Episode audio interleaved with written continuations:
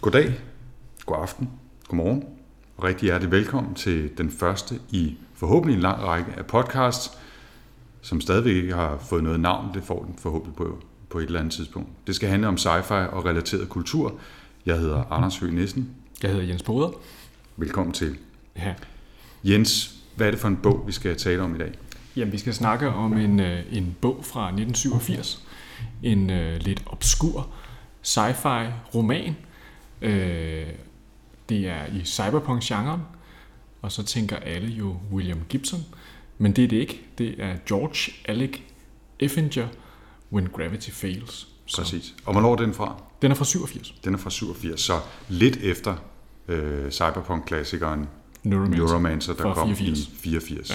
Men sådan cirka samme område. Ja.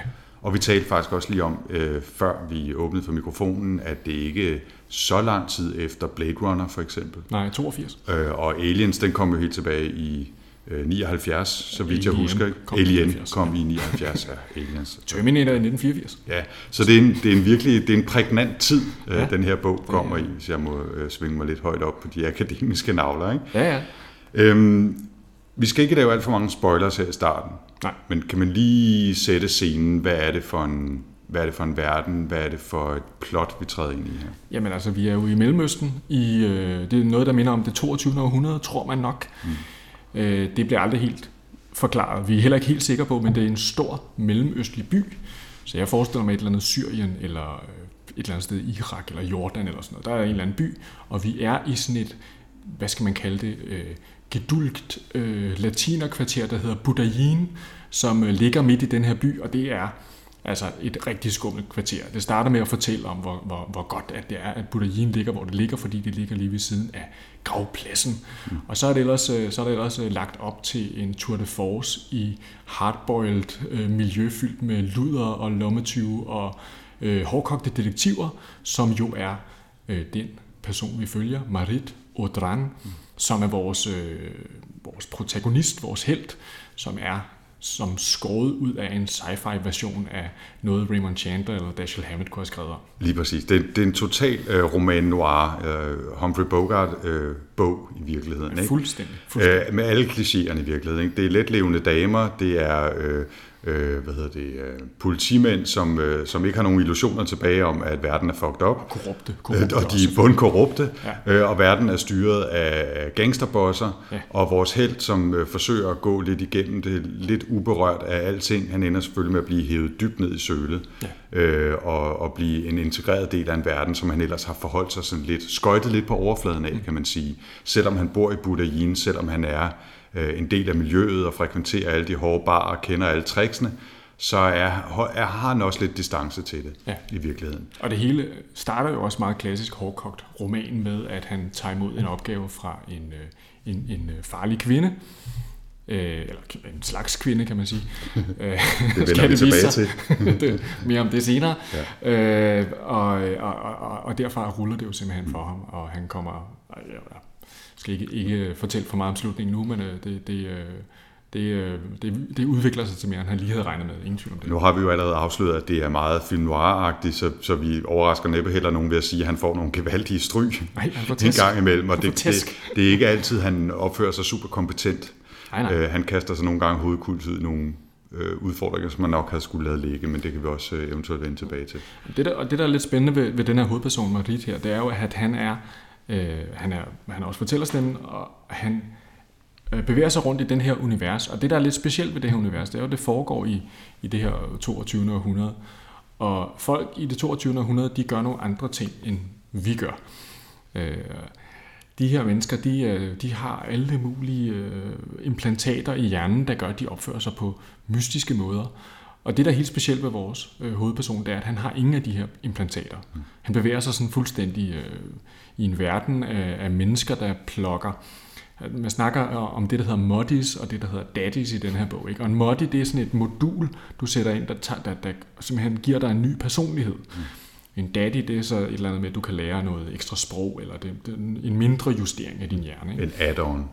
En ja. add-on, ikke? Mm. Og noget af det første, det er, at man, altså, film, eller filmen siger, bogen starter jo simpelthen i den her bar, Cheeries øh, bar, hvor at øh, hende her, øh, Amazonkvinde, øh, som, som sådan, stammer fra et eller andet afrikansk øh, menneskeæder øh, folk. Hun, øh, hun øh, hvad hedder det, serverer drinks fra, fra, øh, fra Madrid, Madrid her, og hvad hedder det, øh, og snakker jo så om, at hun lige har fået den nye Honey Pilar øh, Modi, mm.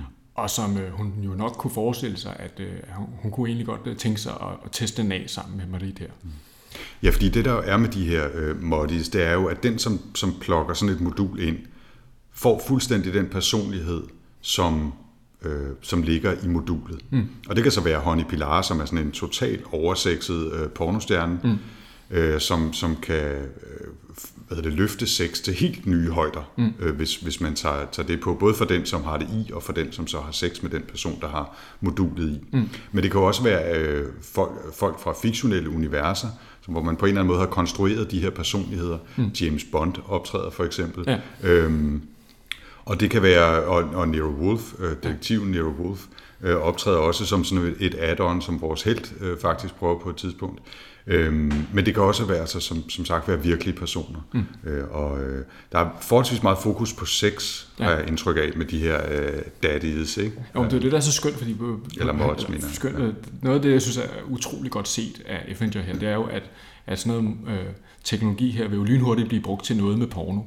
Og, øh, og der er sådan en skøn scene, hvor at, øh, øh, vi, vi hører denne her øh, læge, der er ekspert i at lave de her implantater på folk, fortæller om, at øh, ja, øh, man havde jo sådan set regnet med, at det var noget, der skulle bruges som en slags klinisk hjælpemiddel til folk, der havde øh, personlighedsforstyrrelser, så kunne de få sådan en hjælpemodis.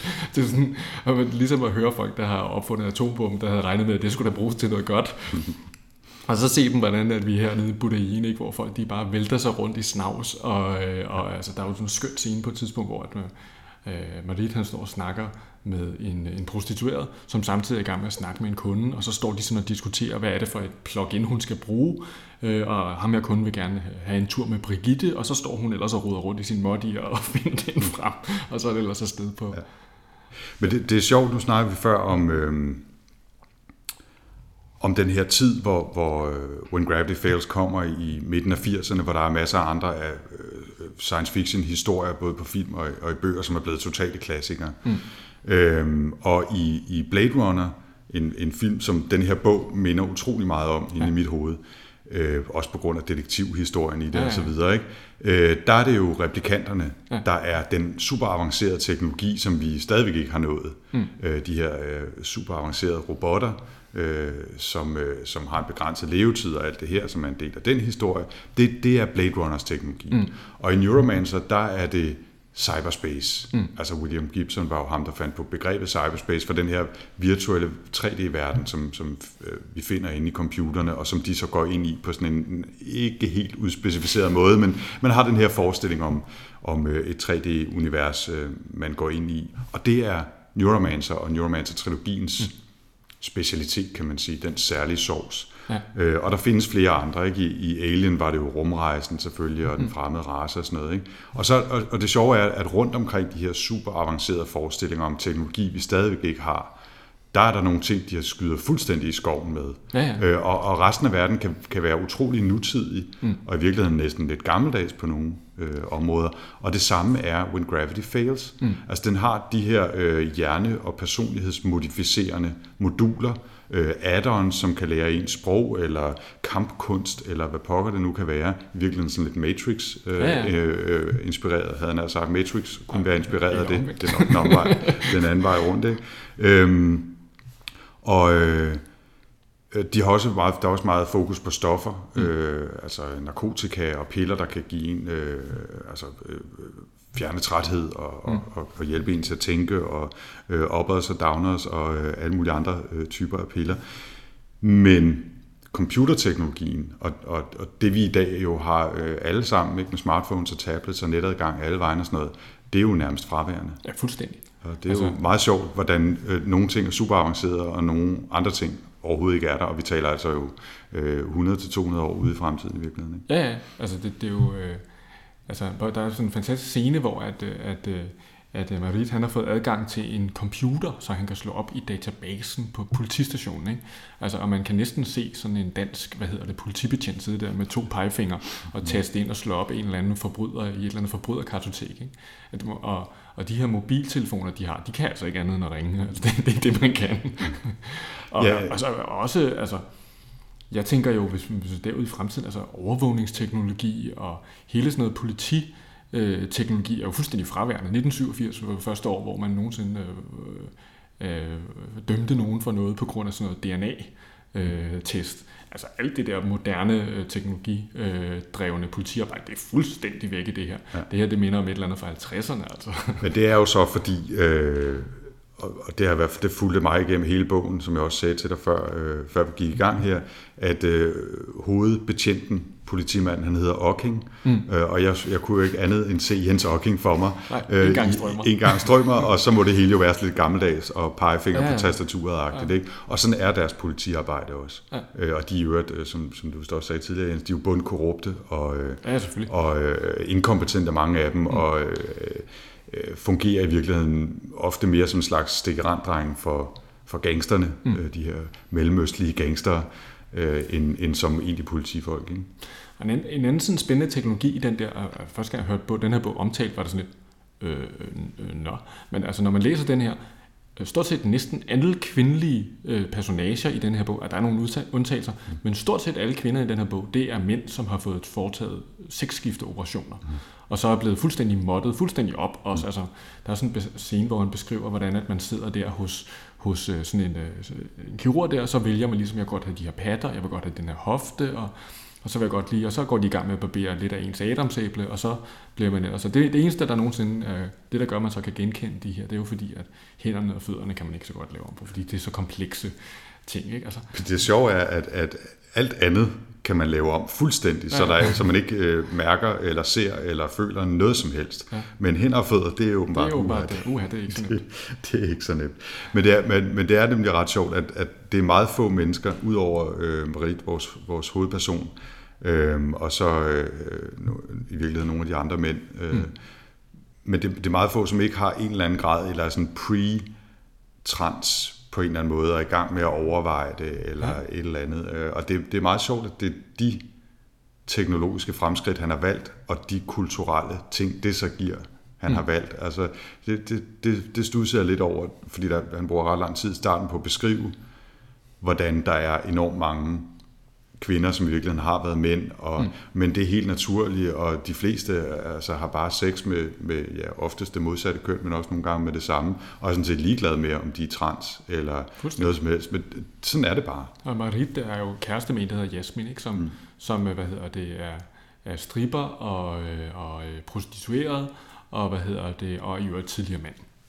Ja, og, og, men som i øvrigt også opfører sig fuldstændig som en kvinde, eller ja, ja. i hvert fald om sådan sin populære ja. øh, litterære opfattelse af en kvinde i den type noir-romaner. Ikke? Altså ja. hun er sådan lidt, øh, hun er sådan lidt øh, sexfixeret og en lille smule øh, enfoldig, har jeg lyst til at sige, eller sådan meget ensporet i hvert fald i forhold til dem. Hun, øh, hun striber, hun, hun øh, kommer for sent på arbejde, og og så brækker hun så lidt til lidt ekstra drikpenge, så hun, så hun kan betale den bøde, hendes chef har givet hende, og så kommer hun lidt op og skændes med, med Marit, øh, øh, når, han, når han har lavet ballade, og, og, og så har de lidt sex, og så kører de igen. Ikke? Mm. Altså det er lidt sådan det liv, de lever i virkeligheden. Ikke? Ja.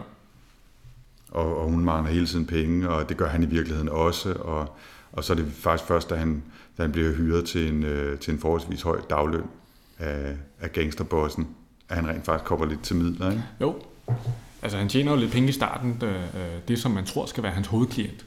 Øh, en, en eller anden Bogatyrev fra ja. øh, Biela, Rusland, fordi i den her verden jo, så alt det, der hedder øh, vestlig øh, overherredømme, det er ikke eksisterende mere. De europæiske lande, det er sådan nogle, øh, nu hedder det, det er sådan noget, øh, blevet sådan nogle bittesmå nationalstater igen, og det er virkelig den, den muslimske verden, der, der er sådan toneangivende her. Mm. Øh, men der er så nogle øh, hviderussere, eller Bielorussians, som har nogle øh, politiske hvad hedder det, intriger, som så strækker sig helt ned til Budayen her mm. i, øh, i Mellemøsten, hvor at, øh, hvad hedder det, øh, at det starter jo sådan set med, at, at, øh, at Marit bliver hyret til at skulle finde den her øh, russiske diplomats søn. Mm. Øh, og det er jo, altså, og, og, og fem sekunder efter, så ligger han død og skudt af James Bond i øvrigt. ja, ja man, man mister ret hurtigt det plot. Altså, ja, for lige uden det, at det jo så spoileragtigt vender tilbage senere. Ja, ja, ja, ja. Men, men det, var ikke, det var ikke noget, jeg hæftede mig specielt meget ved. Nej. Altså, jeg tror, jeg læste lidt hurtigt hen over det, der var nogle detaljer omkring uh, diplomatens søn, og hvilke forbindelser der var til noget, noget, nogle adelige uh, russere og et eller andet, og det, sådan, altså, det havde jeg glemt halvanden side efter, ikke? fordi mm. så handlede det om mods og piller og, og kønsskifteoperationer og muslimske mm. gangster igen. Ikke? Uh, og, og så er det i virkeligheden den del af historien, som, mm. som jeg synes trækker. Det er jo, på den måde det er jo klassisk noir også, mm. at selvfølgelig er der en plot driver, og der er nogen, der er skurke, og, og nogen, der er helte, selvom de fleste befinder sig i en eller anden gråzone. Men det virkelig sjove og interessante er jo den verden, det foregår i, ja. og selve fortællingen af den. Altså, hvad, hvad sker der sådan i de enkelte scener, og hvordan håndterer de det det? Og, og så det store plot, det er sådan lidt, mm. ja okay, altså det var ikke noget, der holdt mig vågen. Altså, nej, jeg synes, det var en spændende verden at gå ind i, men jeg, jeg var sådan set ikke super nysgerrig på, hvem det egentlig var, der var den store skurk. Altså, det var da interessant nok at finde ud af, men det var ikke noget, der, der sådan drev det for mig i hvert fald. Nej, og, noget, og i virkeligheden noget af det, som jeg synes er mest interessant ved den her bog, ikke? det er den der måde, den, den, altså jeg kan ikke huske, der er jo ikke nogen andre cyberpunk-bøger, der, er, der, der, der foregår i en øh, islamisk verden. Altså det er sådan helt anderledes. Ikke? Man er vant til, at det sådan foregår et eller andet sted i sprawl, et eller andet sted dybt nede under Tokyo. Eller, altså, ja. det, er sådan, det er helt anderledes. Og, og den der kultur, der er i det der øh, islamiske samfund, hvor at, altså den der måde, de snakker med hinanden. Altså Marit er jo det, som man i, øh, dengang jeg spillede Advanced Dungeons and Dragons, der kunne man få en proficiency, der hed Streetwise. Mm. Og det betyder, at man var sådan rimelig deft til at bevæge sig rundt og snakke med folk. Og det må man sige, det er han. Helt sikkert. Han er sådan en, der kan gå med mellemmand, og han kan snakke med Gud og være mand, og han forstår de der totalt indviklede måder, de kører sådan nogle høfligheds ting og sager. På trods af, at der tydeligvis er krig på kniven, og lige om lidt kan den ene blive slået ihjel, så snakker de med hinanden på sådan... Og, og sidder og drikker te, ja, ja. utrolig civiliseret og ved, det er først efter den fjerde kop te, at man overhovedet må begynde at antyde, at man måske skal tale forretning på et tidspunkt. Ja, fuldstændig. Ja, det er sådan ja. helt... Øh, og det, og det synes jeg er simpelthen så gennemført, og, så, og jo super spændende, altså i virkeligheden. Og, originalt og, og med til at virkelig give den her verden noget. Ja, ja fordi det, det er nemlig rigtig sjovt, ikke? At, at Gibson, øh, med, ikke så meget med Neuromancer, men, men med senere øh, hans bøger, der er det meget Asien-fokuseret, som mm. du siger, og, og især meget japansk fokuseret. Ikke? Mm. Øh, i, I starten har vi selvfølgelig Sprawl, som er den der store amerikanske megaby, ikke? som mm. i virkeligheden er hele østkysten, der er blevet til en stor by. Ikke? Mm. Det er også et klassisk setup for den her slags små øh, dystopiske verdener, øh, ja, ja. fremtidsverdener. Sådan... Og, øh, men, men at bruge Mellemøsten er forholdsvis unikt, og hele den kultur. Altså i virkeligheden, men, men den omgang, de så har, trækker på nogle af de samme koder, som vi så typisk ser i forbindelse med japanske ritualer for, hvordan man taler med hinanden, og yakuza-gangster og ja, ja. alt muligt. Det er i virkeligheden bare flyttet til Mellemøsten med den, den samme type, som du siger, streetwiseness. Ikke? Altså ja. man skal kunne alle de der ritualer og koder for at agere mm. i den verden. Og det kan han jo fuldstændig. Ja, det er han og, fuldstændig styr på. Fuldstændig, ikke? Og det er der mange, der ikke har. Ja. Altså, han må ligesom oversætte og være mellemmand. Og, og han er jo også anerkendt for det, altså i ja. miljøet ligesom, ikke? Altså. Men det er også meget sjovt i starten, altså en af de første scener, øh, der, der er jo et par turister, der har forvildet sig ind i Buddhaien. Ja. Og dem hjælper han jo så med sådan at, at, at lige forstå, hvad der, er, der foregår, og så får øvrigt gelejtet dem ud, ikke? Fordi, så, så, så de ikke, øh, når mørket falder på, pludselig ender i en eller anden rendesten et eller andet sted. Ikke? Mm. Altså på den måde er han jo også en, en hjælper, og igen en, en der ikke er blevet så komperet af at være buddhain, mm. at han ikke kan hjælpe folk at komme udefra. Ikke? Og det er, jo, det er jo sådan et latinerkvarteragtigt, øh, sådan mørkt sted, hvor der er sådan, øh, man forestiller sig måske, der ligger noget by udenom, eller det gør der jo, hvor der så mm. måske er lidt mere styr på mm. sagerne. Mm. Men inden for, for det her buddhain-område, der er der bare, altså det er et, hårdt kvarter. Ikke? Ja.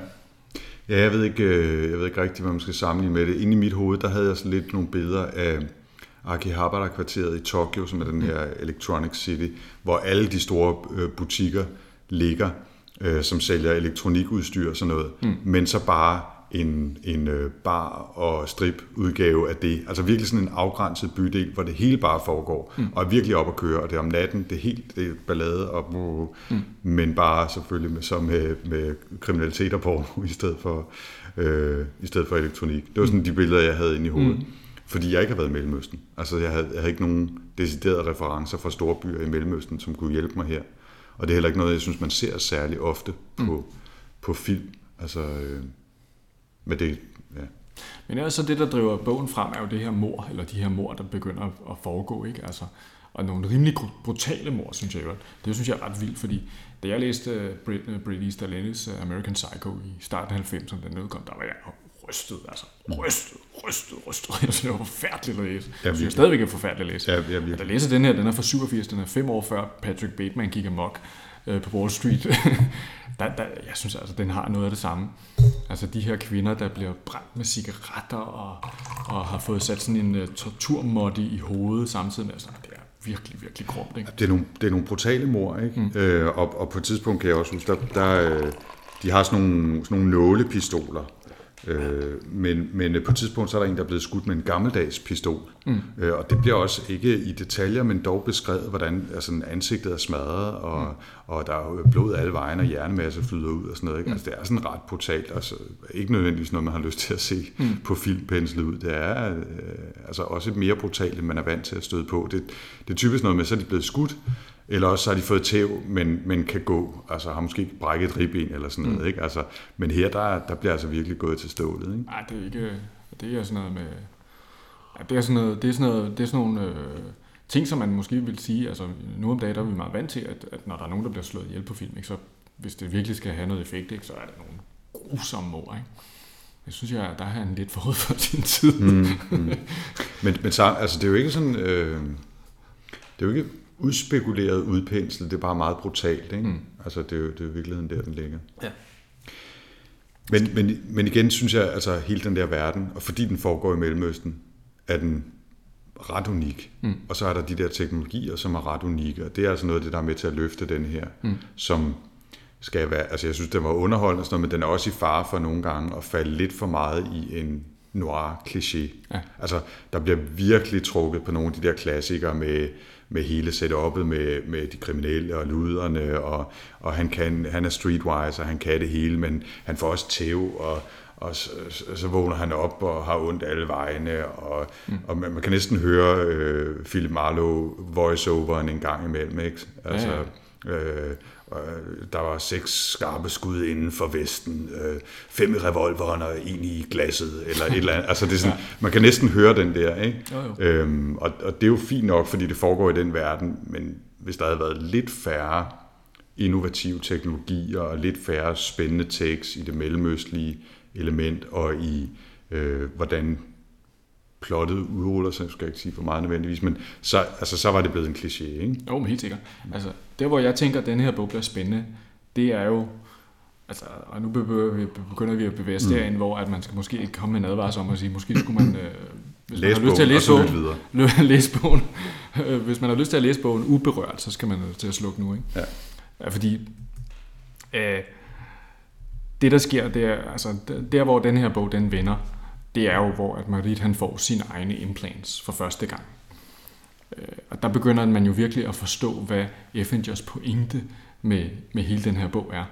Fordi øh, det, der sker, er jo det enorme tab af, af altså, det er jo nærmest sådan en fortabelser, der sker med Marit. Han, ender, han starter med at være sådan fuldstændig uafhængig, nærmest uberørt på, på nær, han er totalt på stoffer og fuldstændig, men altså han, han svæver på kanten af det her samfund og er uberørt af det på en eller anden måde. Ikke?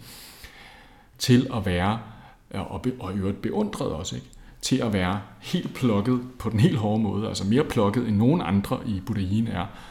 Og øh, denne her papa, øh, Friedlander Bay, den store øh, æderkop, boss, gangster, fuldstændig øh, villige skødehund til mm. sidst, ikke? og afskyet og foragtet alle. Ikke? Og meget mod sin vilje, altså, øh, og, og det kan du måske lige vende tilbage til, men, men, men i forhold til, til den modificering, han får, altså han får ikke bare øh, et plug i hovedet til en mod, han får to, ja. øh, og han kan sætte flere add-ons på, og de indopererer også lidt tråder i hans hjerne, ja. så han øh, med viljens kraft alene kan vælge at sige, jeg vil ikke føle sult, jeg vil ikke føle træthed, jeg vil ikke føle smerte, mm. jeg vil ikke føle noget som helst. Mm. Jeg vil, jeg vil, han, han får ovenikøbet mulighed for at lukke af for sansindtryk, så han ikke kan høre noget, mm. hvis han virkelig bare skal være fokuseret fokus. på det, han ser. Ikke? Altså, ja. øh, og det er altså, det er han bliver jo virkelig ekstremt måttet. Ja, og det er altså efter, at øh, han for det første sådan generelt bare ikke har vil måttes, og mm. i øvrigt, han, han foragter i virkeligheden lidt alle dem, der gør det. Ja. Øhm, og, og da han så endelig indgår den her stærkt tvunget indgår den her aftale med, med Freelander Bay, øh, gangsterbossen, om at ja, han skal måttes, så, så trækker han sig ud af det igen og forsøger i, en, i, en, i et stykke tid at undgå det. Ja. Øh, og så sker der jo stort set det, at han bare vågner op på hospitalet mm. øh, og har ligget, øh, jeg, jeg kan ikke huske, det er to eller tre uger eller en hel måned, noget af den stil, mm. og er blevet opereret på i, i flere omgange, ikke? Mm. Øh, og opdager, at han ikke har noget hår på hovedet, fordi de har, har ikke opereret alt muligt i skallen på ham. Ikke? Ja. Altså, det er sådan, han opdager det. Ja. Øh, så han, han, han siger forsigtigt, han siger tvunget ja, og så siger han nej umiddelbart efter. Øh, og han går ud i byen, men alle hader ham allerede lidt, mm. fordi han, de, de er den opfattelse, at han har sagt ja. Og Jamen, han har jo solgt ud nu, ikke? Og har solgt ud, ikke? Ja. Øh, så nu er han det, ikke den, de beundrer mere. Præcis. Nu, nu er han en af, nu er han jo i virkeligheden man til dem, ikke? Altså. Og, og der sker et kæmpe knæk der, ikke? Mm. Øh, i hvor han, hvordan han kan agere i byen. Mm. Fordi han, er, han, er, han ender jo også med at blive, han bliver der allerede der, også inden han får lavet de her mods, men især efter, ender han jo med at blive et udskud. Ja. Altså han mister sin kæreste, han kan ikke tale med nogen længere, der er ikke mm. nogen, der vil vide af ham, der er ikke nogen, der vil hjælpe ham. Mm. Alle hans venner, alle hans, øh, hans øh, kvindelige bekendtskaber mm. øh, skubber ham fra sig. Ikke? Der sker jo det i, i historien, kan man sige, at, at vi finder ud af, hvem morderen er efterhånden. Ikke? Fordi James Bond, som opstår, øh, som, som jo er i den første scene på Chili's uh, nightclub der, er jo ham, som er morder. Mm. Men på et tidspunkt, så skifter den her uh, morder så sin mod ud med en anden mod, som er øh, en eller anden øh, Shani Mugadil Khan, som er en eller anden total psykomorder, som bare virkelig, virkelig gør kort proces. En, en Patrick Bateman-type ja, i virkeligheden, ikke? Rimelig klamt, ikke? Sådan noget med scener, hvor han kommer ind i hotelværelser, hvor der ligger hjerter, og der er skrevet på spejl med blod, og man forestiller sig, altså, det er ja. meget grafisk. Ja. Øhm, og for at klare ham her Khan, så skal han jo altså, så, så bliver han jo, så bliver han jo nødt til at blive moddet selv også, ikke? Øhm, og det der er så sindssygt, altså det, det som jeg synes er så spændende ved den her bog, det er, hvordan de her mennesker, de, de ligesom taber deres egen identitet og erstatter den med noget andet. Ikke? Altså, og det, det, det er ligesom sådan et tema i hele bogen. For at overhovedet at klare det her, jamen så først så prøver han med den her Nero Wolf-detektiv. Og det er jo virkelig også Nero Wolf, som løser den endelige gåde til sidst. Mm. Men, men, men, hvad hedder det? Øh, men den første morder her, fordi der, der er jo i virkeligheden to morder. Den, der, den første morder her, ham her Karen, ham klarer han bare med de almindelige daddy og moddy og alt det, der han har. I sådan et fuldstændig mærkeligt, tilfældigt showdown, mm. som opstår fuldstændig ved et, med et, efter man har været totalt paranoia, fordi at han hele tiden har fået sådan nogle små beskeder fra ham her morderen og alle mulige mærkelige steder, man er fuldstændig paranoia på vegne. Ja. Ja. Så pludselig møder han bare på en gade, og så har de et showdown, og så nakker han ham. Ja. Og så er han bare den store held i Budain, ikke? Og det, og det, altså, man skal ikke øh, skimme særlig meget, før man i virkeligheden ryger forbi den scene. Nej, nej. Og så slipper man til, øh, jeg, jeg, jeg, jeg, var sådan lidt, åh, oh, var det? Ja. Var, var det slutningen? var, var det den store end-level boss? det var det så ikke, det var det men så. det havde man lidt fornemmelsen, det skulle være. Ikke? Ja. Og lige da det der skete, der er han jo bare kæmpe helten, ikke? Og mm. alle synes, han er totalt sej, og for fremtiden drikker du bare gratis på French's bar, og ja, ja. så kører det bare, ikke? Ja. Og så er det jo, at han kan ikke lade det slippe der. Øh, han mener jo, fordi han mener, at ved at kunne kigge på den måde, de her forskellige er blevet myrdet på, at der er forskellige morder på spil. Mm. Og det er der så også jo.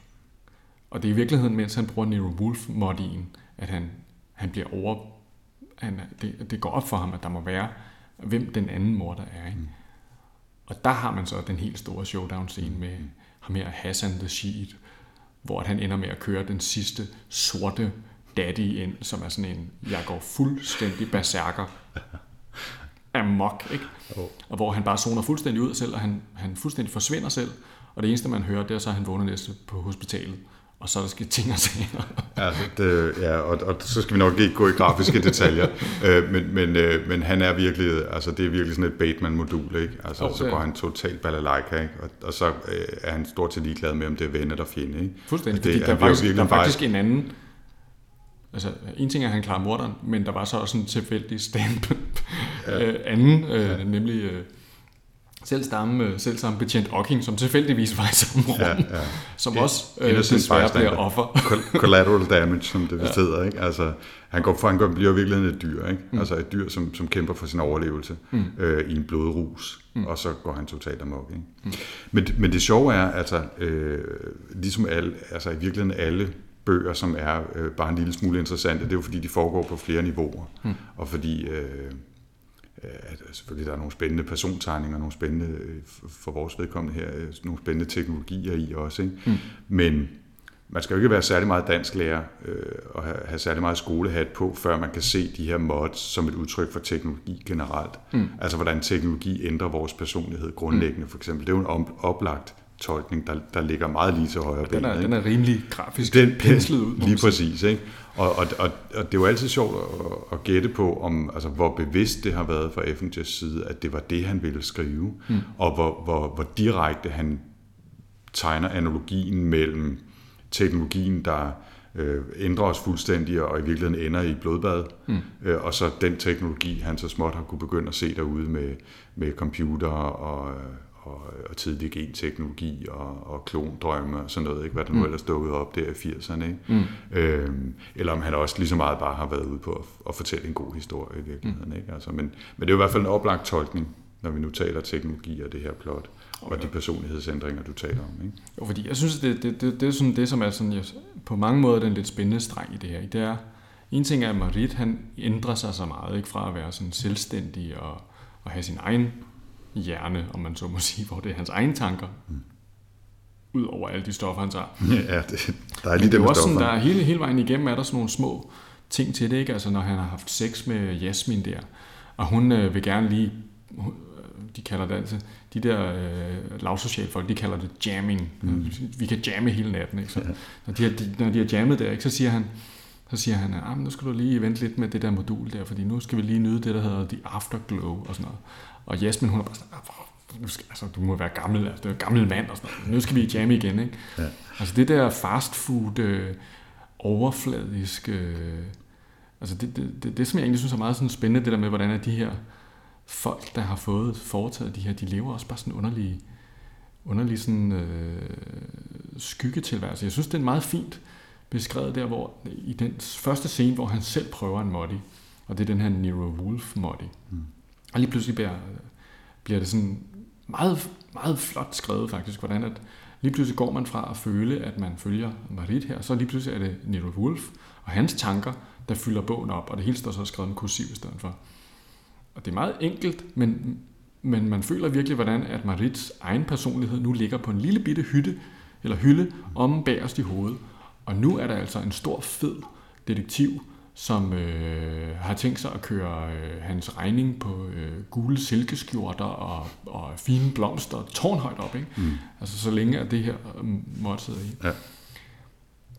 Og der var også sådan en scene, hvor ham der, han, en af hans venner, eller venner, kan man sige, altså Haf Hadjer, der, hvad hedder det, øh, på et tidspunkt slår en mand ihjel, fordi han har sådan et, øh, den dag har han lige sådan et butch, øh, mm. jeg, jeg er den vilde øh, øh, testosteronmand måtte i. Ikke? Jeg tænker lidt på det som, hvad kan man sige, den, øh, når man har set folk, der, der, der har skulle spille fede, eller sådan noget, så tager de sådan nogle store dragter på, mm. øh, på film. Øhm, og jeg tænker lidt på det som sådan den personlighedsmæssige udgave af det, ikke? Altså fordi hele deres øh, opførsel ændrer sig, hele deres måde at agere på ændrer sig osv. Ikke? Mm. Altså det er sådan lidt, det er virkelig den der personlighedsændring. Det er svært at forestille sig, når man ikke er i det, mm. men det bliver det er faktisk en utrolig flot scene i, i bogen, synes jeg, mm. og virkelig godt beskrevet, mm. øh, hvor meget af, af, af resten af bogen er virkelig fuldstændig ved livet landevejen mm. øh, beskrevet, altså med meget mere fokus på historie end på stil, synes jeg. Mm. Øh, men lige det sted, der viser det sig faktisk, at Effinger også kan skrive, ja. og er, er super god til at fange den personlighedsændring, der sker, når man smider sådan en, øh, sådan i, en mod i, i nakken. Ikke? Jo. Det er ret vildt.